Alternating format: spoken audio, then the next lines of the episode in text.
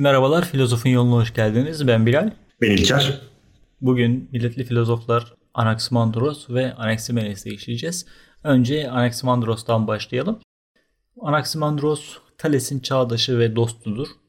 İsa'dan önce 610 ve 547 yıllar arasında yaşamıştır. Yine kendisi hakkında bir genel çerçeve çizelim. Matematikçi, devlet adamı, astronom, doğa bilgini ve kartograftır. Kartograf haritacı anlamına geliyor. Yunan'da ilk defa harita yapmaya teşebbüs etmiş kişidir. Daha sonra da bu haritayı Miletoslu gezgin Hekaitos bazı düzenlemeler yapmış ve son haline getirmiştir. Haritanın kendisini web sitesinde ve Twitter adresimizde paylaşacağız. Dönemine göre çok ileri bir harita olduğunu rahatlıkla söyleyebiliriz. Ve dinleyicilerimiz sitemizden e, eğer haritayı görüntülerlerse veyahut Google'dan sadece bu haritaya bakarlarsa şaşırtıcı derecede doğru planlanmış bir harita olduğunu göreceklerdir. Hele ki o günün şartları göz önünde bulundurulduğunda. Evet. Zaten bu Asya-Avrupa ayrımı da yine bu Homeros'tan geliyor. Homeros Anadolu tarafına Asya demiş ve diğer tarafına da Avrupa diye ayırmıştır. Ta bu isimlendirme günümüze kadar gelmiş. Yoksa normalde Avrupa coğrafi Tabii, olarak coğrafi anlamda bir kıta değil zaten. kıta Avrupa. değil. İklim, Kültürel anlamda. Ha, evet evet. Yani hiçbir şekilde kıta olma özelliğini, farklı iklim özellikleri falan da sergilemiyor. Tamamen Asya ile beraber aynı iklim kuşağında ve aynı özellikleri sergiliyor. Ama o dönemin sınırlı bilgisi onu Avrupa diye anlamlandırma e, ihtiyacına getirmiş demek ki.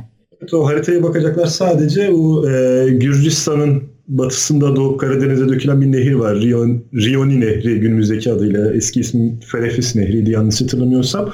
O nehre olması gerekenden biraz fazla büyük çizip Avrupa ile Asya'yı o şekilde birbirinden ayırmış. Aslında çok küçük bir nehir ama ya da Kızıldeniz'e tekabül eden günümüz haritasında yerler, yerleri Nil haritası olarak çizmiş. Nil, Nil Nehri olarak çizmiş ve kıtayı da e, Orta Doğu'yu da Afrika'dan o nehir aracılığıyla ayırmış. O da birazcık günümüz bilgileri içinde yanlış tabi ama dönemin şartları göz önünde bulundurulduğunda hani hayretler içerisinde bırakacak kadar doğru bir harita.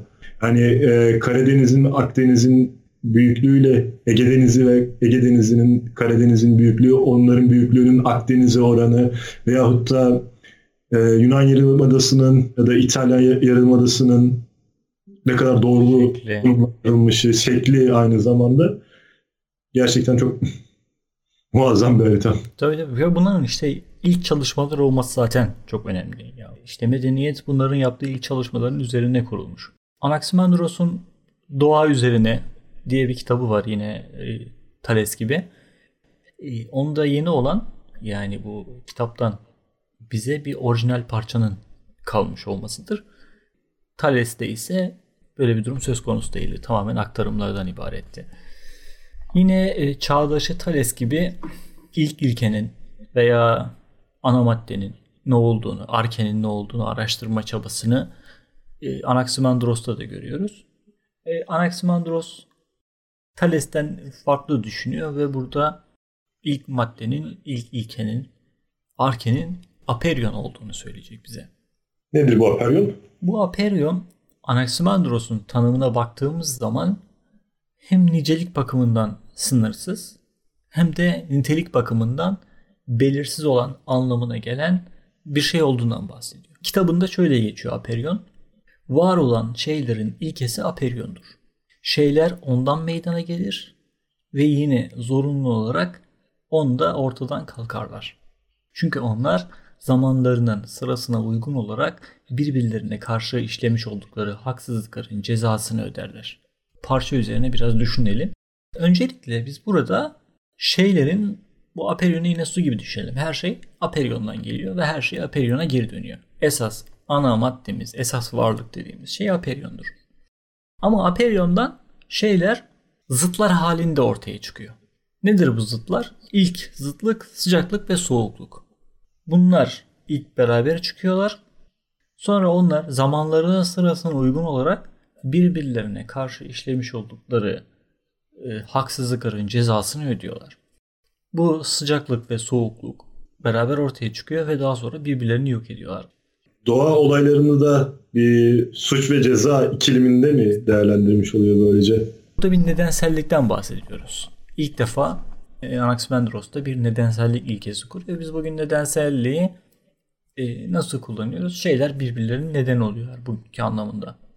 Doğa filozoflarında da bir nedensellikten bahsediyoruz. Platon ve Aristoteles'e geldiğimizde artık teleolojik bir dünya. Her şeyin bir amacı vardır demeye getiriyor ama buradaki nedensellik muhtemelen şimdiye kadar gördüğümüz ve bundan sonra göreceğimiz her şeyden çok daha ilginç bir nedensellik. Tamamen bir suç ve ceza nedenselliği var burada. Bir de biraz kötümser bir dünya telakkisi söz konusu zannedersem öyle değil mi? Evet aynen öyle. Anaximandros'a göre evet bir doğa yasası söz konusu ama bu doğa yasası bir ahlaki ya da bir hukuki diyebileceğimiz bir zeminde ortaya çıkıyor ve ilginç bir şekilde Anaximandros için var olmak bir suç ve yok olmak da bir cezadır. Varoluşun bir cezasıdır yok olmakta. Sanki Aperion'dan kopmak bir suçtur ve ceza da ona geri dönmektir. Her özel varoluş biçimi, her bireysel varoluş bir başkasının hakkına bir tecavüz, bir gasptır. Sanki onun evrendeki yerini yer alıyor, onu yerinden ediyor. O da kendisinin yerinden edilmekle buna karşılık görüyor. Sanki burada bir toplumsal düzen plan değiştirmiş ve doğaya tatbik edilmiş. Yine burada anmak istediğimiz bir Göte'nin Mephistosu Mephistosundan bir kısım var. Doğan her şey ölmeye mahkumdur demiş. Peki mitlerle ilişkisi var mı bu düşüncenin? Thales'te e, suyun Okeanos, Okeon'la ilişkisinden bahsetmiştik. Burada da çok açık olmamakla beraber Aperion'u kaosun seküler bir yorumu olarak okumak mümkündür. Hesiodos'un Tegonis'ine dönelim. Her şeyden önce kaostu var olan diye başlıyordu. Kaos daha sonra kozmoza yani bir düzene evriliyordu. Aperion'da da her şey iç içe ve belirsiz bir şekilde yer alıyor. Sanki Hesiodos'un kaosu Aperion'da kendine bir yer bulmuş gibi görünüyor. Ama bunlar sadece spekülasyondan ibaret. Tabi yersiz spekülasyon değil bu. Yani öyle bir ilişkilendirme yapabiliyoruz. Aristoteles bunun hakkında şöyle bir yorumda bulunuyor. Her zaman genç, diri, her zaman canlı ve ezeli ebedi olarak hareketli olan Aperion'dan önce ayrılma veya kopma yoluyla sıcak ve soğuk çıkmıştır. Dillerin birbirlerine çevrilmesinin zor olduğunu her zaman biliyoruz. Antik Yunanca grameri de Türkçeden biraz farklı. Antik Yunanca'da sıfatlar aynı zamanda isim olarak okunabiliyor. Yani onun sıcak dediği sıcak şey olarak da okunabiliyor. Soğuk dediği soğuk şey olarak da okunabiliyor. E burada Aristoteles'in sıcak ve soğuk dediği şeyler sıcak şey ve soğuk şey olarak karşımıza çıkıyor. Bunu daha sonra Empedokles'te de biraz farklı bir versiyonunu göreceğiz. Empedokles'te sıcak şey ateş, soğuk şey hava, sonra nemli şey su ve kuru şey toprak olarak karşımıza çıkacak ve maddenin dört ilkesini oluşturacak ve tam 23 yüzyıl boyunca yani 2300 yıl boyunca da bütün insanlar maddenin su, toprak, hava ve ateşten geldiğini düşünecekler. E, maddenin ana ilkesinin yani varlığın ana ilkesinin aperion olması çok sıra dışı. Mesela biz de bugün Big Bang teorisine bir itibar ediyoruz. Big Bang teorisine ne diyoruz? Her şey bir toz bulutuydu. Ee, Burada ama yine bir paralellik çizmek mümkün. Günümüzün e, fizik, günümüz fiziğinin ulaştığı noktayla e, o Big Bang'den öncesini de bildiğim kadarıyla e, bu konuda yanılıyorsam dinleyicilerim bağışlasın. Kuantum öncesi kaotik dönem olarak adlandırıyor. Evet. Bir benzerlik söz konusu açıkçası buradan baktığımız zaman. Evet evet yine tam da şeydeki gibi işte kaostaki gibi zaten kozmos da düzen demek. Kaostan kozmoza evrilmiştir evren diye düşünülüyor. Biz de bugün zaten öyle inanıyoruz. Yani Big Bang Big Bang ile beraber bir düzen oluştu ve entropiye göre de bu düzen gittikçe bozuluyor zaten. Tekrar kaos haline doğru bir evrilme veya ilerleyiş söz konusu. Tabii lüzumsuz çıkarsamalarla, zorlamalarla böyle şeylere referans etmemiz biraz sakıncalı aslında. E her şeyden önce adamların yaptığı şeye yani tarif etmek oluyor yaptığımız şey aslında. Fakat hani şey gibi vardı ya kutsal kitaplarda her şey vardır. İnanış.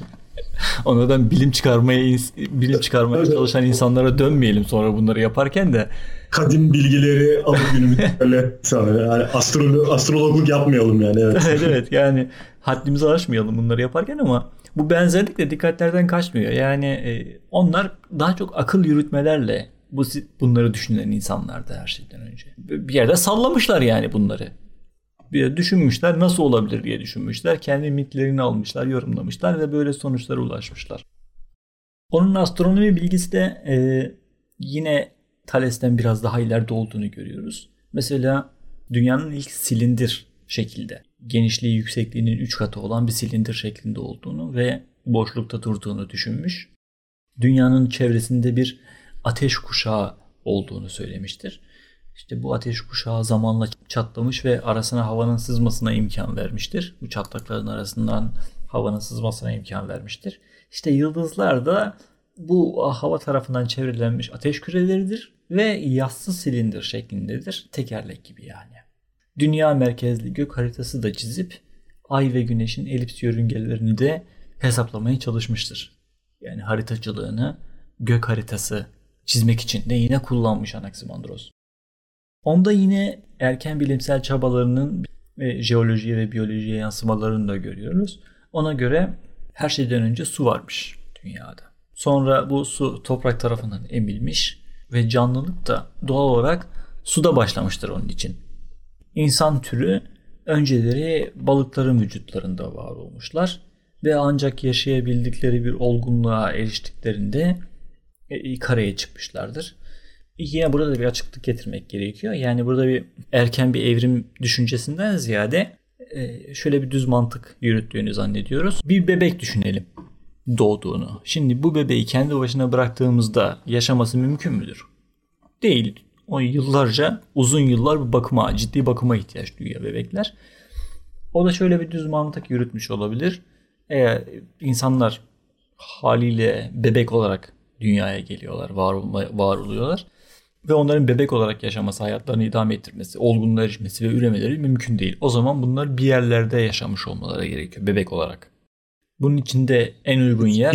Yani korunabilecekleri bir yerde. Evet, en uygun yerde balık karnı onun için. Ve insanlar olgunluğa eriştikten sonra balıkları parçalayarak içinden çıkıyorlar.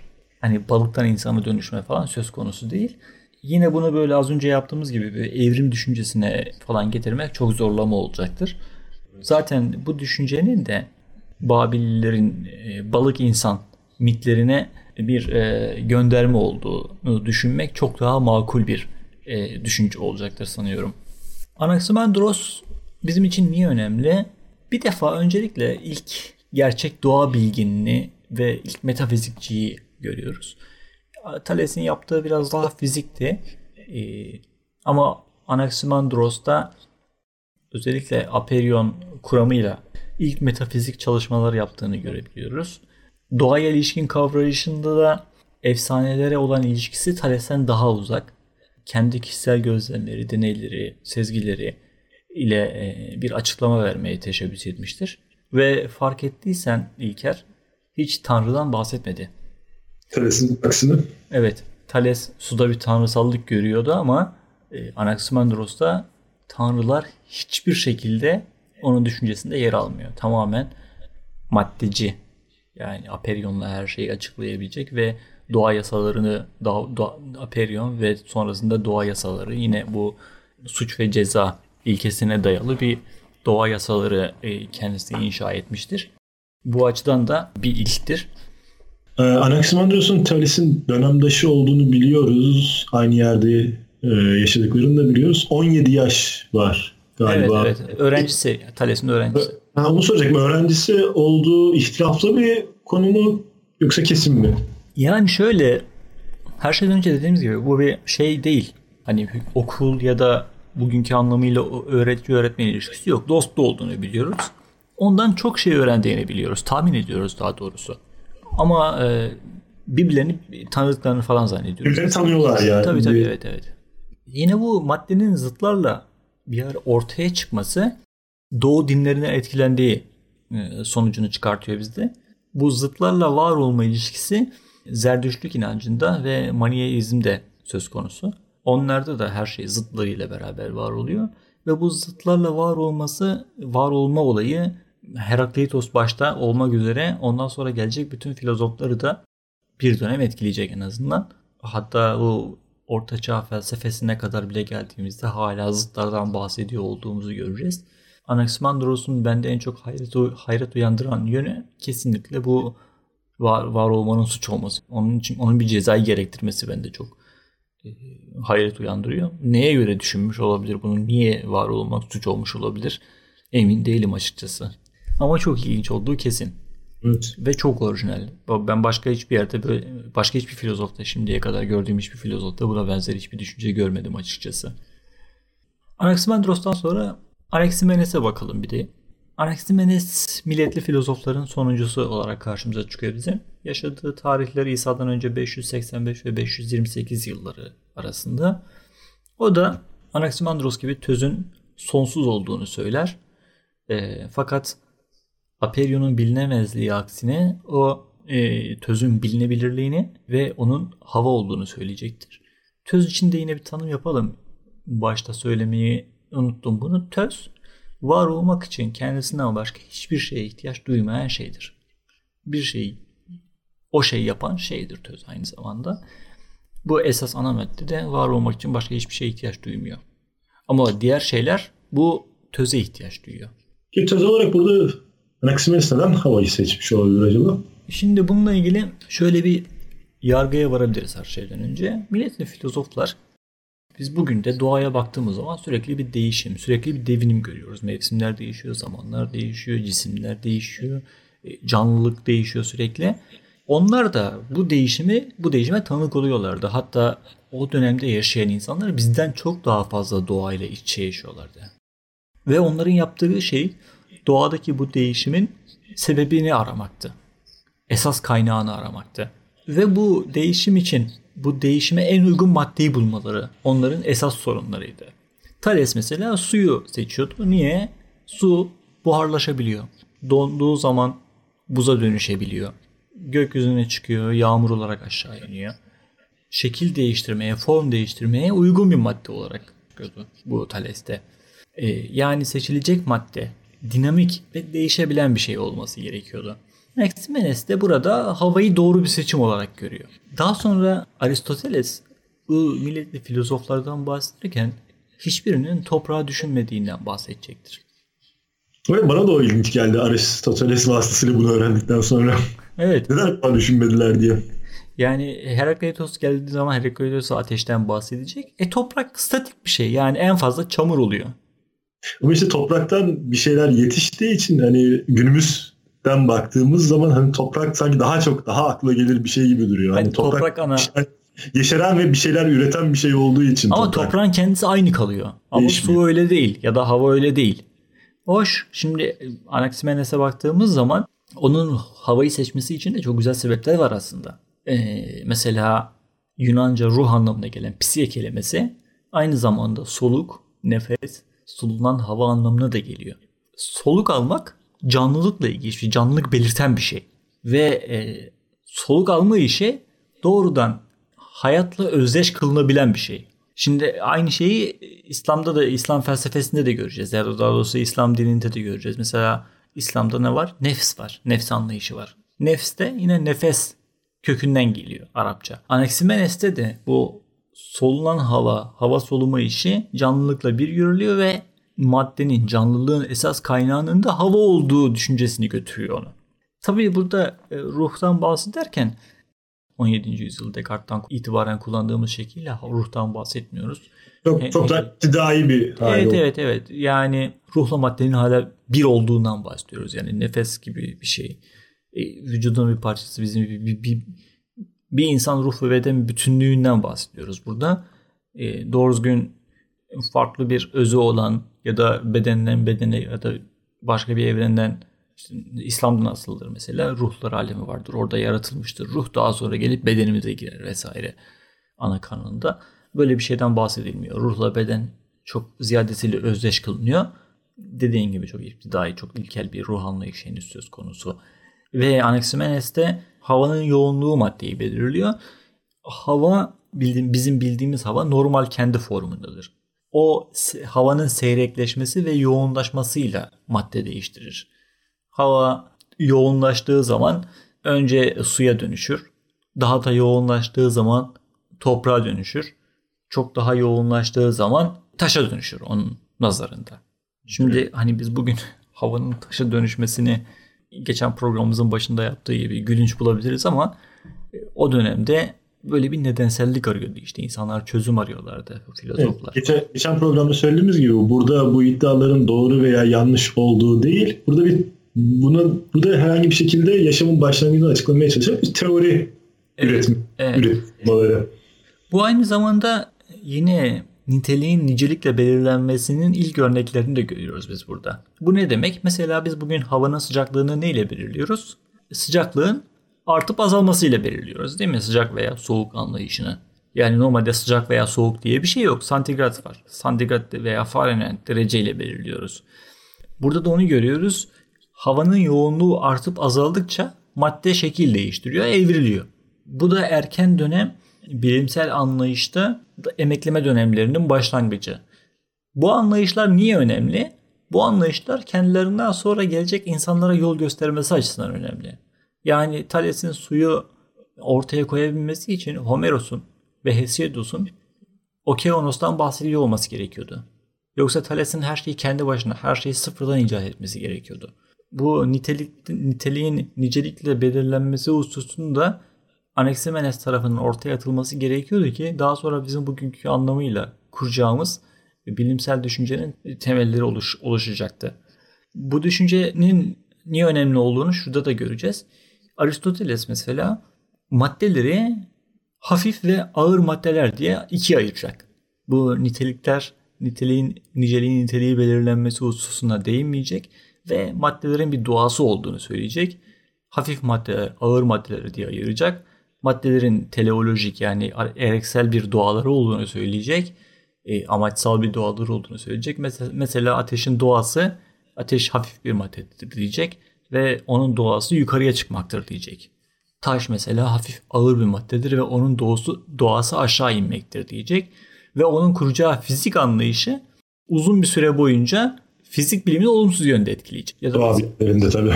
Evet mesela Aristoteles için bir oku attığın zaman okun ilerleyebilmesinin mümkün olması için okun önündeki havanın okun arkasına geçip onu it, itmesi şeklinde gerçekleşecek Aristoteles için.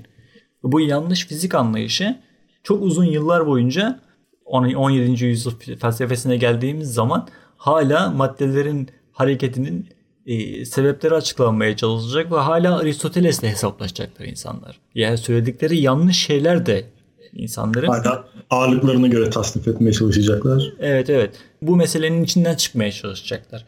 Eğer daha önce zamanında Anaximenes'in düşüncelerine yönelik bir çalışma yapılsaydı veya doğru yorumlanması mümkün olsaydı bu yanlış fizik bu Aristoteles için de geçerli.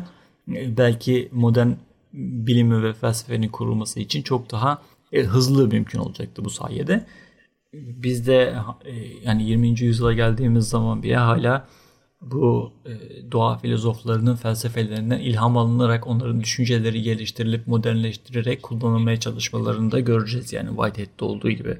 Peki e, şimdi Thales dünyayı e, su üzerinde yüzen daha doğrusu şamandıra gibi su üstünde kalan bir varlık olarak tasavvur etmişti. Evet. Anaximandros'a geldiğimizde ise o havada boşlukta. asıl havada boşlukta diğerler objelerden bağımsız olarak e, havada kalan bir varlık olarak düşünmüştü. Peki Anaximenes de bu durum nasıl? O nasıl tasavvur ediyor dünyayı? Anaximandes'in e, kozmolojisi mi diyelim, kozmogorisi mi diyelim e, veya astronomisine göre dünya boşlukta değildir her şeyden önce. Hava üzerinde durur ve e, bu dünyayı bir arada tutan havanın bizatihi kendisidir. Anaximandes'te ilk defa yıldız ve gezegen ayrımını da göreceğiz onun astronomisinde ve e, aynı zamanda o insandan yola çıkarak bir evren tasarımını da ortaya koymaya çalışacak. Bu ayrım nedir? Onun için e, insanı bir arada tutan şey, insan bedenini bir araya getiren şey havadır. E, hava nasıl insanı bir araya tutan, bir, bir araya getiren şeyse, o canlıcılığı veren şeyse, bu evrendeki canlıcılığı veren şey de hava olacaktır. Yani o hava üzerinde yüzen, duran, dünyanın bir araya tutmasını sağlayan da yine havanın kendisidir. Burada da yine şeyi göreceğiz işte bir makrokozmos, mikrokozmos benzetmesinin ilk örneklerini göreceğiz. Millet Okulu'nun son filozofu olan Anaximenes'ten sonra e, İsa'dan önce 494 yılında millet e, Persler tarafından istila edilecek, yakılıp yıkılacak. Yüzden daima tehdit altındaydı doğudan. Evet maalesef. Felsefe Büyük Yunanistan diye adlandırılan Güney İtalya ve Sicilya tarafına yani İonya tarafına akacaktır. Bundan bahsetmen yerinde oldu. Yunan felsefesinden bahsederken tabii Ege Denizi'nin bu yakası da Anadolu toprakları da tabii yine antik Yunan şehirleri ama diğer Atina'yı hani daha sonra kendisinden gelecek olan Atina'yı büyük ölçüde beslemiş ve zenginleştirmiştir milletler tarihsel önemi üzerinde duracak olursak. Evet. Özellikle millet felsefesi yani millette felsefenin ortaya çıkması e, bu Perslerin milleti istila etmelerinden sonra batıya kaçan insanlar yanlarında felsefeyi de götürecekler. Yani evet biz millet milletliler için 3 tane filozoftan bahsediyoruz ama sadece 3 kişi uğraşmıyor bu felsefeyle. En azından okuyucuları, aktarıcıları olacaklar. Ve e, Sicilya'ya giden insanlar yanlarında bu felsefi bilgiyi de götürecekler ve oradaki metropol haline gelmişler her şeyden önce. Evet.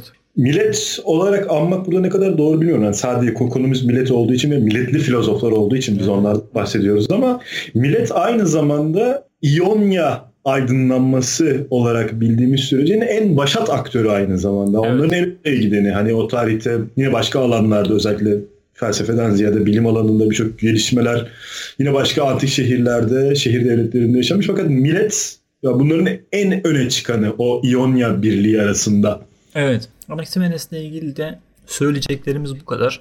Ee, ilk başta ayrı bir program yapayım dedim ama bunları milletoslu, milletli filozoflarla beraber özellikle Anaximandros'la beraber anmak, vakit tasarrufu yapmak diye adına iki, iki düşünürü beraber ele aldık. Bir sonraki programda görüşmek üzere. Sen kalın. Hoşçakalın.